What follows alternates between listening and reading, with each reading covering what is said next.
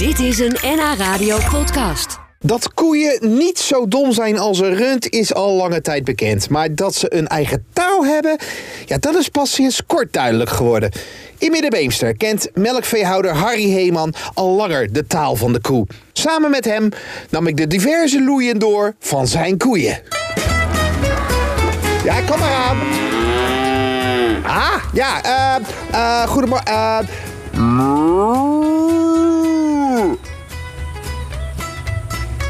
Nou, dat is niet helemaal. eh, Daar komt de stier. Everything is better with some cows around. Geloof jij in koeientaal, hoor? Ja. Nee, koeien hebben allemaal hun eigen eh, stem en taal. En, eh, Ja. ja. daar geloof ik echt in. Ik praat met koeien. Ja? En dan zeg ik, jongens, meiden, kom op, we gaan naar binnen. En dan praten ze terug met Maar mij. hoe doen ze dat dan? Door een gemiddel van eh boegeroep of. Ja, ja. En aan de hand daarvan weet ik en zie ik ook. Dat is de eerste observering of er een koe ziek is of er een koe. Maar wacht even. eh, hij gaat omhoog aan het eind. Dus dat, Dat betekent dat hij wat wil of dat hij het wat. is een vraag. Nou, ook of op een opmerking meer.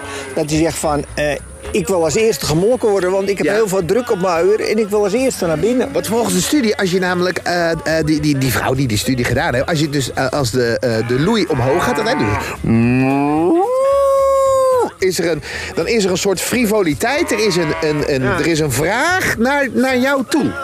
You always have. Nou weet ik, als ik te veel praatte, Harry, vroeger, wat ik voor school, werd ik vooraan eh, gezet. Hou jij ze wel eens uit elkaar? Dat je denkt van, nou, nu is het echt klaar, jongens. Ik kan niet slapen. Nou, als ik een hele vervelende koe heb die graag eh, de hormonen Ja. op, eh, sp- opkwispelen en die zeggen van nou, ik, wil, ik zoek toch echt een vriend. Ik, ik, ik- mijn hormonen beginnen me klinkt dat? Nou, Oh, dat gaat heel snel Dat gaat ja, ja, gewoon ja. nou een uur lang soms door. Soms denk je van Ja, en een koe slaapt hoe lang? Per dag slaapt de koe maar 20 minuten. Dat bedoel ik. Dus jij wordt wakker s'nachts. Eh, Ik, ik wil een vriend, dat is...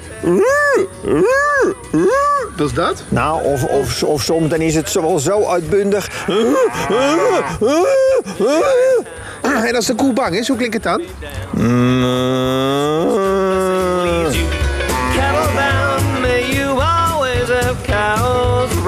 Dat is een beetje zeurderig. Ja, een beetje de eh, toon wat, wat lager, Ja. wat meer naar bas toe. Dat, eh, En ik wil gemolken worden, hoe klinkt dat? Als ik eens een keer een half uurtje later ben met melken, want het melken is 24, eh, in de 24 uur twee keer per dag bij mij, omdat ik nog traditioneel melk. En ik ben een half uurtje later, dan zijn er koeien bij waar de druk op het uier wel heel erg groot wordt. En die beginnen. "Meh, meh." Ja, dan maken ze Oh. kenbaar zo van. Van, eh, eh? Worden, ja. Ja, boer, Oh, ja. waar blijf je? Ja. Als ze ziek zijn, dan, eh, nou, dan hebben ze weer een hele eh, lage, nog lager geluid. Eh, dan kreunen ze meer zo.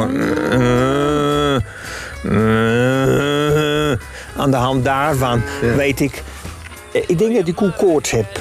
Ja, aan de hand daarvan communiceer ik. Net als met kleine kinderen. We, we denken dat we ongeveer wel kunnen weten wat het kindje, of in dit geval de koe bedoelt. Koeientaal bestaat. Ja, ik eh, ben niet enkel eh, agrarisch ondernemer. Kijk, Boeren zijn er niet meer, het zijn agrarisch ondernemers. Oh, sorry, maar, ja. maar ik ben ook een halve veearts. Want ik weet precies. Ik, eh, ik, Maar dat verdient iets meer, toch? ja, maar die hebben meer vrije tijd als, als ik.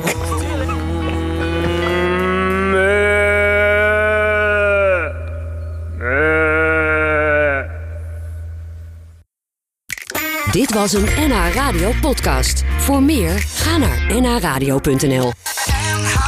Radio.